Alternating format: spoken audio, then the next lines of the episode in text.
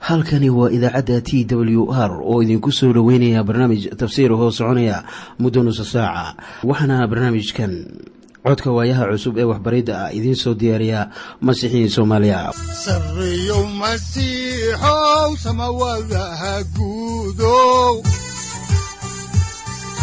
Siraadkii adduunkow subanaha eebow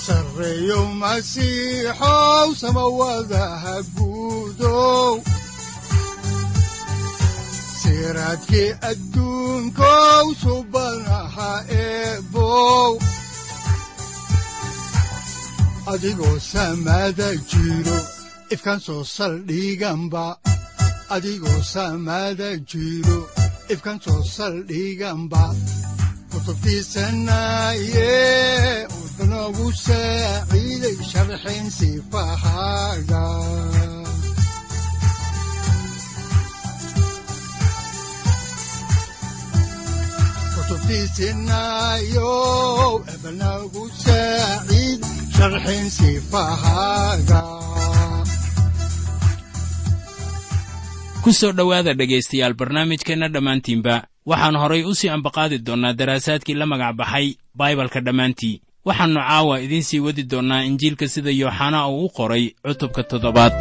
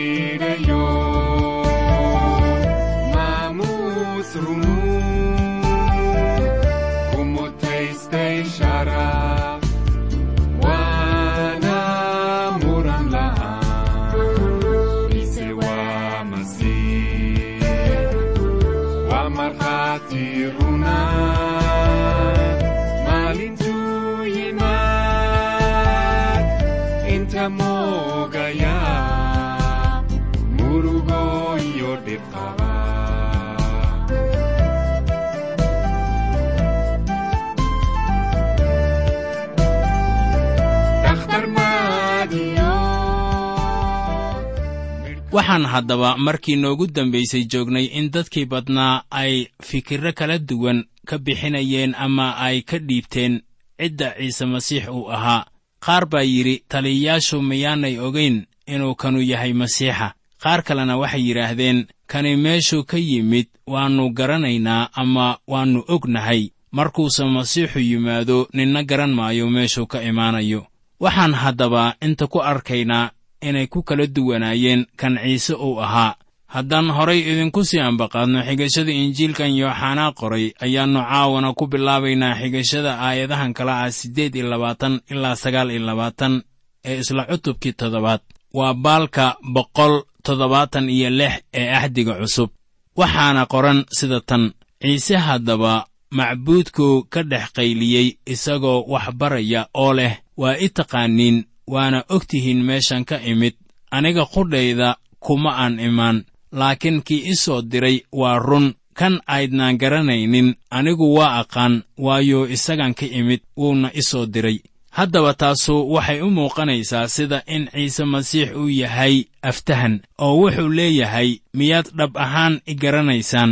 Waxay idinla tahay inaad i garanaysaan waad i aragtaan laakiin bilxaqiiqa i garan maysaan haddaan horay idinku sii ambaqaadno injiilkan ayaannu eegaynaa aayadda soddonaad oo leh sidaa aawadeed waxay dooneen inay qabtaan laakiin ninna faro ma uu saarin waayo saacaddiisii weli ma iman. Marka ay sidan tahay ayaad arkaysaa inay xiise badan tahay inkastoo weliba ay aad u doonayeen inay qabtaan ciise in haddana ayan far saarin ilaa iyo saacaddiisu ay timid haddaan horay idinku sii ambaqaadno ayaannu eegaynaa injiilka sida yooxanaa uu u qoray cutubka toddobaad aayadaha kow iyo soddon ilaa afar iyo soddon waxaana qoran sida tan. Laakiin qaar badan oo dadkii ahi way rumaysteen. Waxayna yidhaahdeen masiixu markuu yimaado miyuu samayn doonaa calaamooyin ka badan kuwii kanu uu sameeyey. Farrisiintu way maqleen dadkii badnaa oo ka ganuunacayay waxaasi ku saabsanaa isaga wadaaddadii sarena iyo farrisiintii waxay u direen saraakiil inay soo qabtaan isaga. Ciise haddaba wuxuu ku yidhi weli in yar baan idinla joogayaa markaasaan u tegayaa kii i soo diray.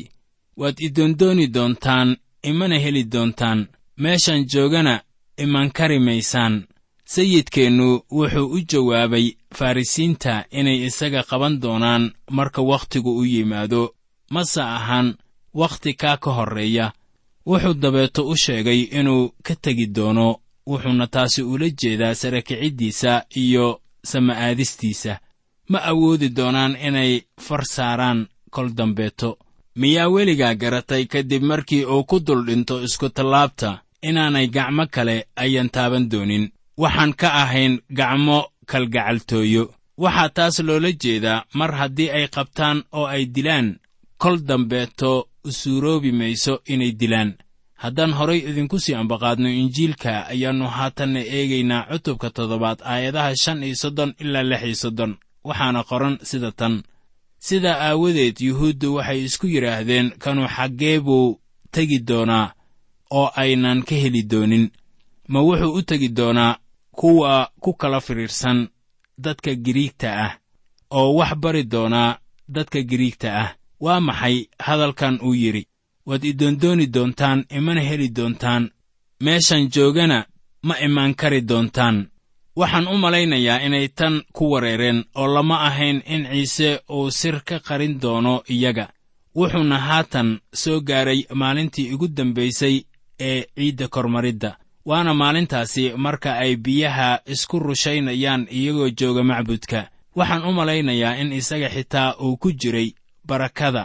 Markii uu sidan ku lahaa waxay xusuusanayeen markii ilaah iyaga uu ka siiyey lamadegaanka biyo ay cabaan oo dhagax cidlada yaallay ka soo burqanayay. Markaasoo nebi muuse isagoo raacaya hadalladii ilaah dhagaxa wax ku dhuftay bawlos ayaa inoo sheegaya sida ku qoran warqaddii koowaad ee rasuul bawlos uu u qoray dadka korintos in dhagaxaas uu ahaa masiixa. Wuxuu ahaa kan dadka siinaya biyaha runta ah waana biyaha nolosha. Weli waxaannu ku guda jirnaa xigashada injiilka sida yooxanaa uu u qoray cutubka toddobaad waxaanan haatan eegaynaa aayadda toddoba iyo soddonaad. Waxaa qoran sida tan maalintii u dambaysay oo ahayd maalintii weyneed ee ciidda ciise ayaa istaagay oo qayliyey isagoo leh haddii qof un uu harraado ha ii yimaado hana cabo haddaba hadalladan ciise masiix waxay u dhacayaan inaannu qasab jirin ee xaalku u yahay mid ikhtiyaar ah. Waxaa qoran haddii qof un uu harraado taas waxaa lagu wadaa adiga. Ilaah wuxuu ku siinayaa hadiyadda maanta. Waxaana inta yaalla inaad laba hal mid ka doorato. Waana haddii aad ooman tahay. Su'aashu ayaa waxay noqonaysaa miyaad ooman tahay miyaadse biyaha ka cabtaa dacda xooluhu ay ku istaageen amase dunidan dembigu hareereeyey oo miyaadse ogaatay inaan dunida laga helaynin biyo lagu oombaxo? Ciise wuxuu leeyahay haddii qof un uu harraado ha ii yimaado hana cabo. Adiguna waad u imaan karaysaa oo aad cabi karaysaa biyaha.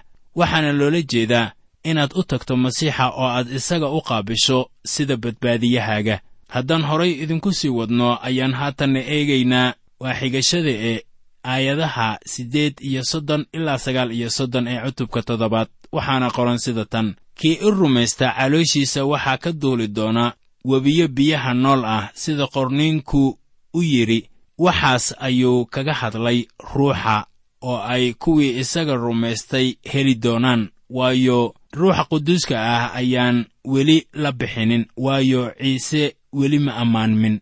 Ruuxa quduuska ah weli ma uusan imaanin ilaa laga soo gaaro maalintii bentekost dabeeto markii oo taasi la gaadhay ayuu soo dhex galay rumaystayaasha si uu iyaga uga dhigo hal jir. Imaanshaha ruuxa quduuska ah ayaa maalintaasi inoo xaqiijinaya in ciise uu tegay dhanka midig ee carshiga aabbihii haddaba aayadda afartanaad ayaa leh sidaa aawadeed dadkii badnaa qaarkood goortay hadalladaasi maqleen waxay yidhaahdeen runtii kanu waa nebigii. Marka ay sidaan tahay ayaa dadka qaarkood waxay rumaysnaayeen isaga oo way u soo leexdeen waxay cabayaan isha biyaha nool oo waxay markaasi helayaan wax ay ku qancaan ama ay ku haqabeelaan haddaan halkaasi ka sii soconno ayaannu haatanna eegaynaa cutubka toddobaad aayadda afartan iyo koowaad waxaana qoran sida tan. Qaar kalena waxay yidhaahdeen kanu waa masiixi. Qaarse waxay yidhaahdeen laakiin masiixii ma wuxuu imaanayaa galiilii isla sidaas ayaannu ilaa iyo maanta nahay qaar baa rumaystay qaarna ma ayaan rumaysan. Haddaan horay idinku sii wadno injiilka ayaannu haatanna eegaynaa aayadaha laba iyo afartan ilaa saddex iyo afartan. Waxaana qoran sida tan. Qorniinku miyaannu odhanin? Masiixu wuxuu ka imaan doonaa farcanka daa'uud iyo tuuladii beytlaxam oo daa'uud joogay. Sidaa daraaddeed dadkii badnaa waa kala qaybsamay aawadii. Wuxuu ka imaanayey faracii daa'uud ee magaalada beytlaxam taasuna waa halkii uu ku dhashay ee uu dunida ka joogay. Hase yeeshee sidii uu u dhashay iyo xaaladdii uu ku sugnaa ayaa dadku mararka qaar ay ku wareeraan iyadoo ay ugu wacan tahay sawirrada boostakaarada ah ee la iibsado ciidda dhalashada masiixa. Wuxuu ku dhashay beytlaxam laakiin halkaa ma uusan joogin bilowgii howshiisa wacdiska marka kuwa ku qaldamay sawirrada wakhtiga masiixu u dhashay ee ku sawiran boostakaarada ayaannu u baahinaynaa inay gartaan inuu ku dhashay beytlaxam oo uu kaamilay waxyigaasi laga qoray.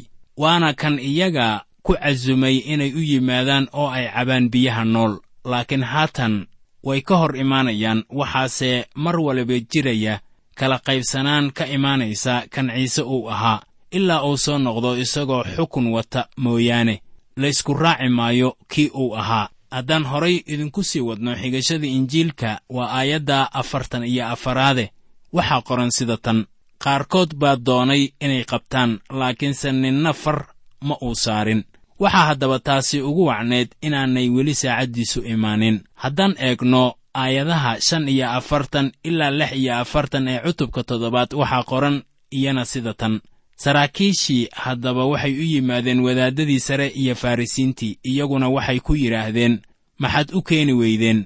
Saraakiishii waxay ugu jawaabeen ninna weligiis uma hadlin sida ninkaasu u hadlay. Meeshan waxaa ciise laga bixiyey markhaati fur wanaagsan. Marka qaarkood ay yidhaahdeen ninna weligiis uma hadlin sida ninkaasu u hadlay wuxuu ahaa macallin weyn laakiin ma ahan waxbariddiisa tan aynu ku badbaadnay. Wuxuu inagu badbaadiyey dhimashadiisa iyo sara kiciddiisa haddaan horay idinku sii ambaqaadno ayaannu haatanna soo gunaanadaynaa inta inooga harsan cutubka toddobaad. Waxaanan haatan akhrinaynaa aayadaha toddoba iyo afartan ilaa saddex iyo konton. Waxaana qoran sida tan. Farrisiintii haddaba waxay iyaga ugu jawaabeen idinkana may laydiin khiyaaneeyey miyaa taliyayaasha midkood ama farrisiinta u rumaystay isaga. Laakiin dadkan badan oo aan sharciga garanaynin waa inkaaran yihiin. Nikodemos kii markii hore ciise u yimid isagoo ah midkood wuxuu iyaga ku yidhi miyaa sharcigeennu xukumaynin? Iyadoo aan marka hore laga maqlin isaga oo aan la garanaynin wuxuu sameeyo. Kolkaasay u jawaabeen oo waxay ku yidhaahdeen adiguna ma reer galiili baa tahay.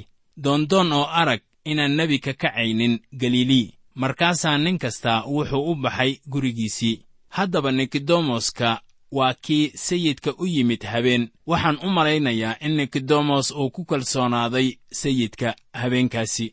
Kii markii hore ciise u yimid isagoo ah midkood wuxuu iyaga ku yidhi miyaa sharcigeennu uu xukumaynin iyadoo aan marka hore laga maqlin isaga oo aan la garanaynin wuxuu sameeyo kolkaasay u jawaabeen oo waxay ku yidhaahdeen adiguna ma reer galiili baa tahay.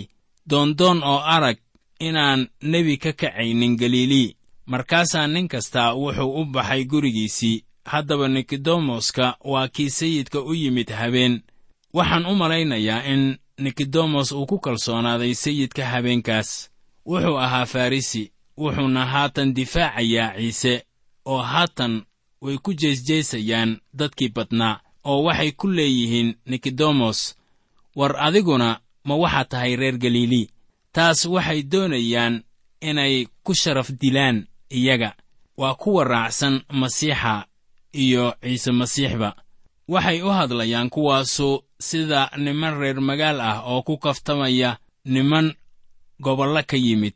Waa wax xiise leh inaan maanka ku haysanno in nimankani ayaan garanaynin qorninka marka ay leeyihiin doondoon oo arag inaan nebi ka kacaynin galilii marka la eego gunta xaajada ayaa waxaa soo baxaya inaannu baytulaxam iyo galilii toona ka imaanin ee uu ka yimid ammaantiisii samada.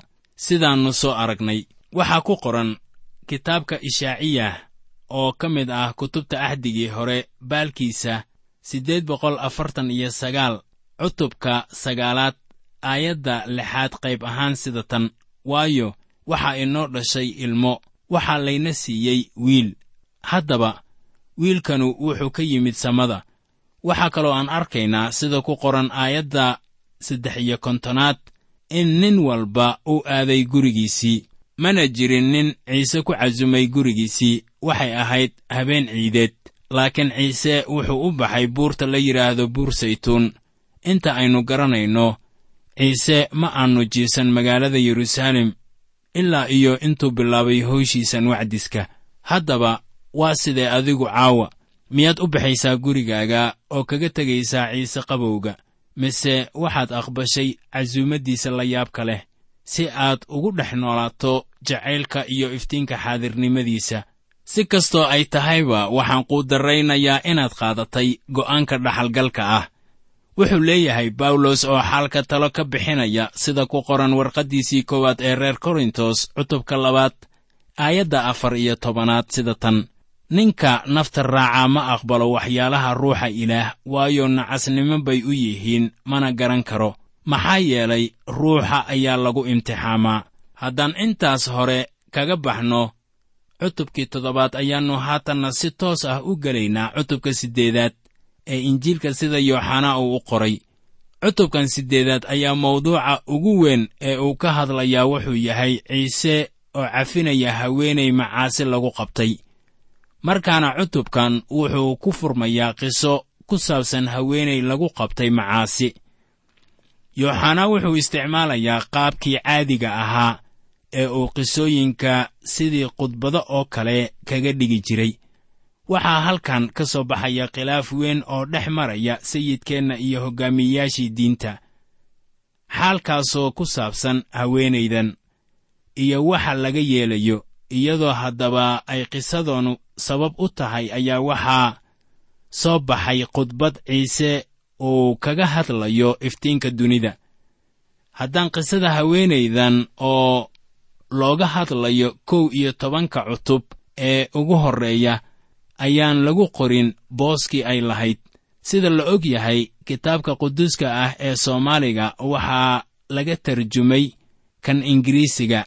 Kan ingiriisigana waxaa laga tarjumay kan giriigta oo ahaa luqad oo wakhti dheer ku qornaa. Axdiga cusub waxaa markii ugu horraysay lagu qoray luqadda giriigga. Waxaa la isticmaalay nuqli berigaasi jiray si loo ururiyo kitaabka axdiga cusub ee luqadda giriigga. Waxaana laga sii tarjumay kan ingiriisiga dabeetana luqadaha kale sida soomaaliga. Haddaba nuqliga giriigga ah ee loo yaqaanno westicot iyo hoot ayaa meesha ka saaraya dhacdadan ku saabsan haweenayda macaasida lagu qabtay oo waxay ka soo bixiyeen halkii ay qisada kaga jirtay ee cutubka siddeedaad ee injiilka sida yooxanaa uu u qoray waxaase ay geliyeen halka ugu dambaysa ee injiilkan. Waxaa qisadan mar kale halkeedii lagu soo celinayaa markaad eegto nuqliga kale ee la yidhaahdo nistel ayaa halkiisii ku soo celiyey.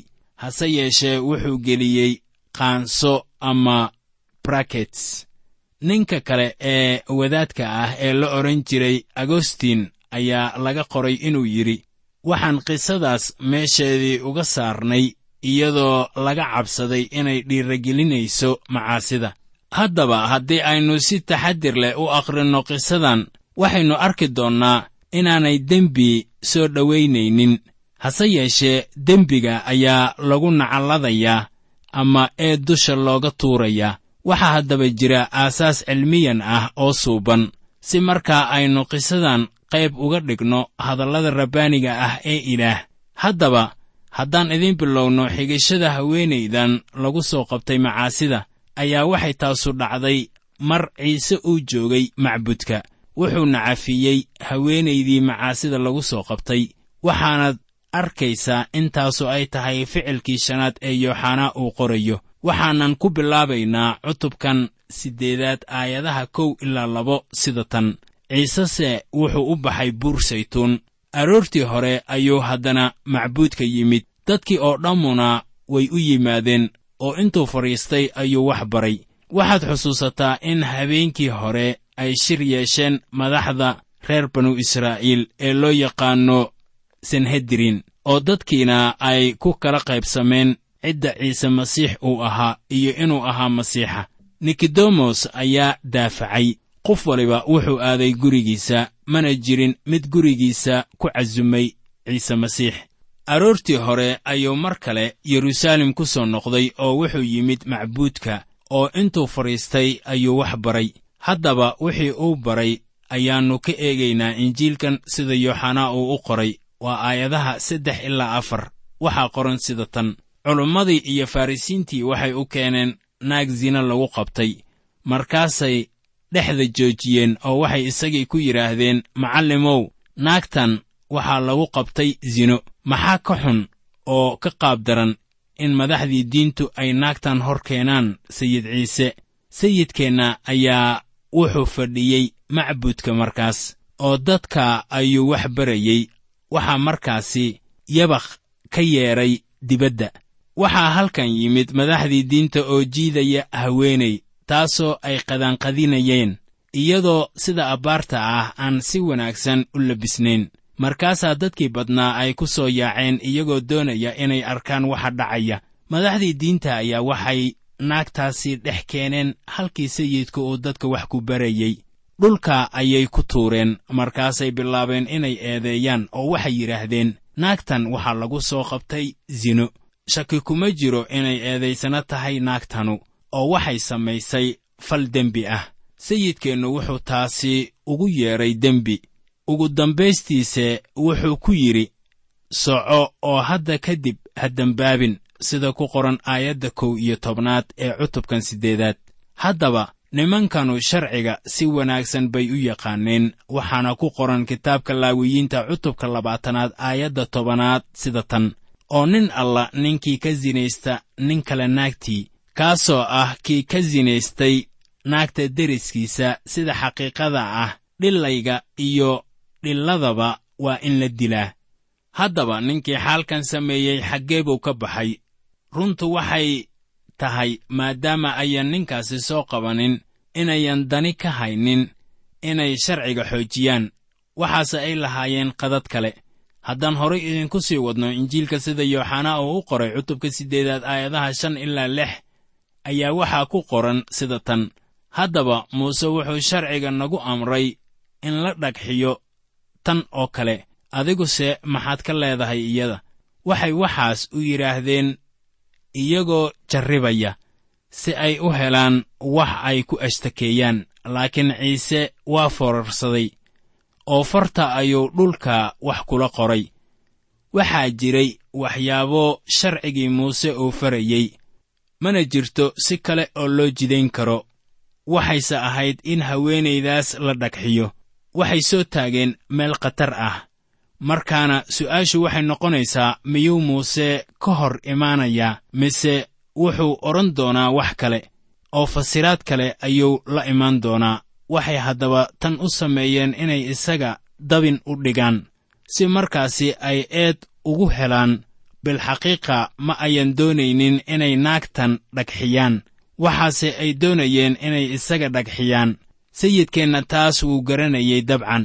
Waxaaba laga qoray hadalladan leh sida ku qoran isla injiilka yooxanaa cutubka labaad aayadda shan iyo labaatanaad uma baahneen in laga marag furo dadka waayo isaga qudhiisu waa yaqiin waxa dadka ku jira. Haddaba sidii xaalku ahaa ayaad mooddaa inay xiise leedahay. Naagtii dembaabtay ayaa hortiisa lagu soo xooray. Dadkii badnaana wax xamaasad ah uma ayan haynin ceebtii ay gashay aawadeed mana ayan darajaynaynin dareenkeeda. Iyagoo ku qoslaya oo u dhuuntaaglaynaya inay arkaan iyada taasoo sumcaddeeda sii dilaysa.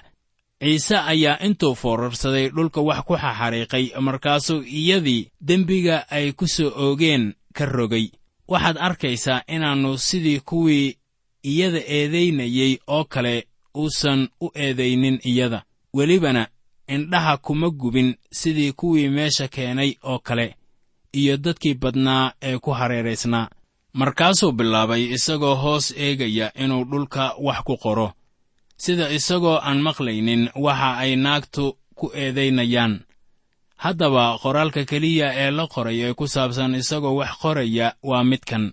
Wuxuuna ahaa kan laga qori doono kutub fara badan kuwa looga soo hor jeedo iyo kuwa lagu ayiidsan yahay. Intaba su'aashu waxay noqonaysaa muxuu qoray. Dabcan garan mayno wixii uu qoray laakiin talo ayaan ka dhiibanayaa. Haddaan u leexanno qorniinka nebiyada ayaa waxaa ku qoran kitaabkii yeremiyah oo qayb ka ah kutubka axdigii hore baalkiisa sagaal boqol toddobaatan iyo lix cutubka toddoba iyo tobanaad aayadda saddex iyo tobanaad sida tan. Rabbiyow rajadii reer banu israa'iilow kuwa kaa taga oo dhammu way wada ceeboobi doonaan. Kuwii isaga ka taga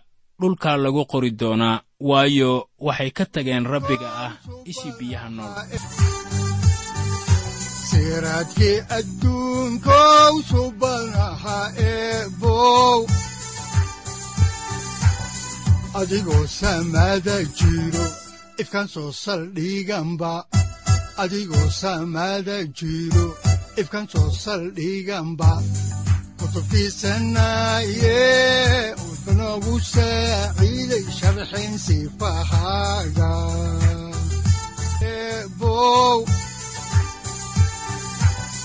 adigoo samaada jiro ifkan soo saldhiganba adigoo samaada jiro ifkan soo saldhiganba kutubtiisanaye halkani waa t w r idaacadda t w r oo idinku leh ilaa ha idin barakeeyo oo ha idinku anfaco wixii aad caawi ka maqasheen barnaamijka.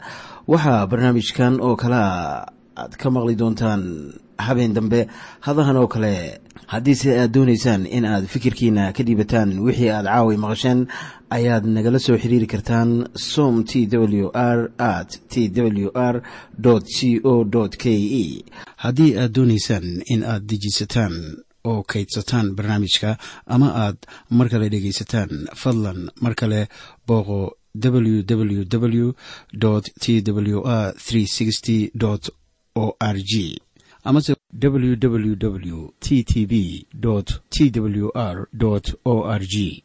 Amase waxaad teleefoonkaaga ku kaydsataa ama ku download garaysataa agabyada ku sahli karaa dhegeysiga t w r haddii aad doonayso in laga kaalmeeyo dhinacyada fahamka kitaabka amase aad u baahan tahay duco fadlan fariimahaaga soo mari bogga aaraahda ama kommentska inana jawaab degdeg ah ayaanu ku soo diri doonaa amase ku siin doonaaye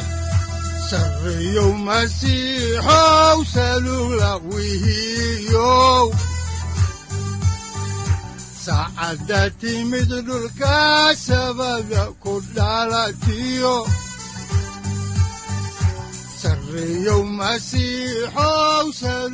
halkani waa t w r oo idiin rajaynaya habeen baraare iyo barwaaqaba leh.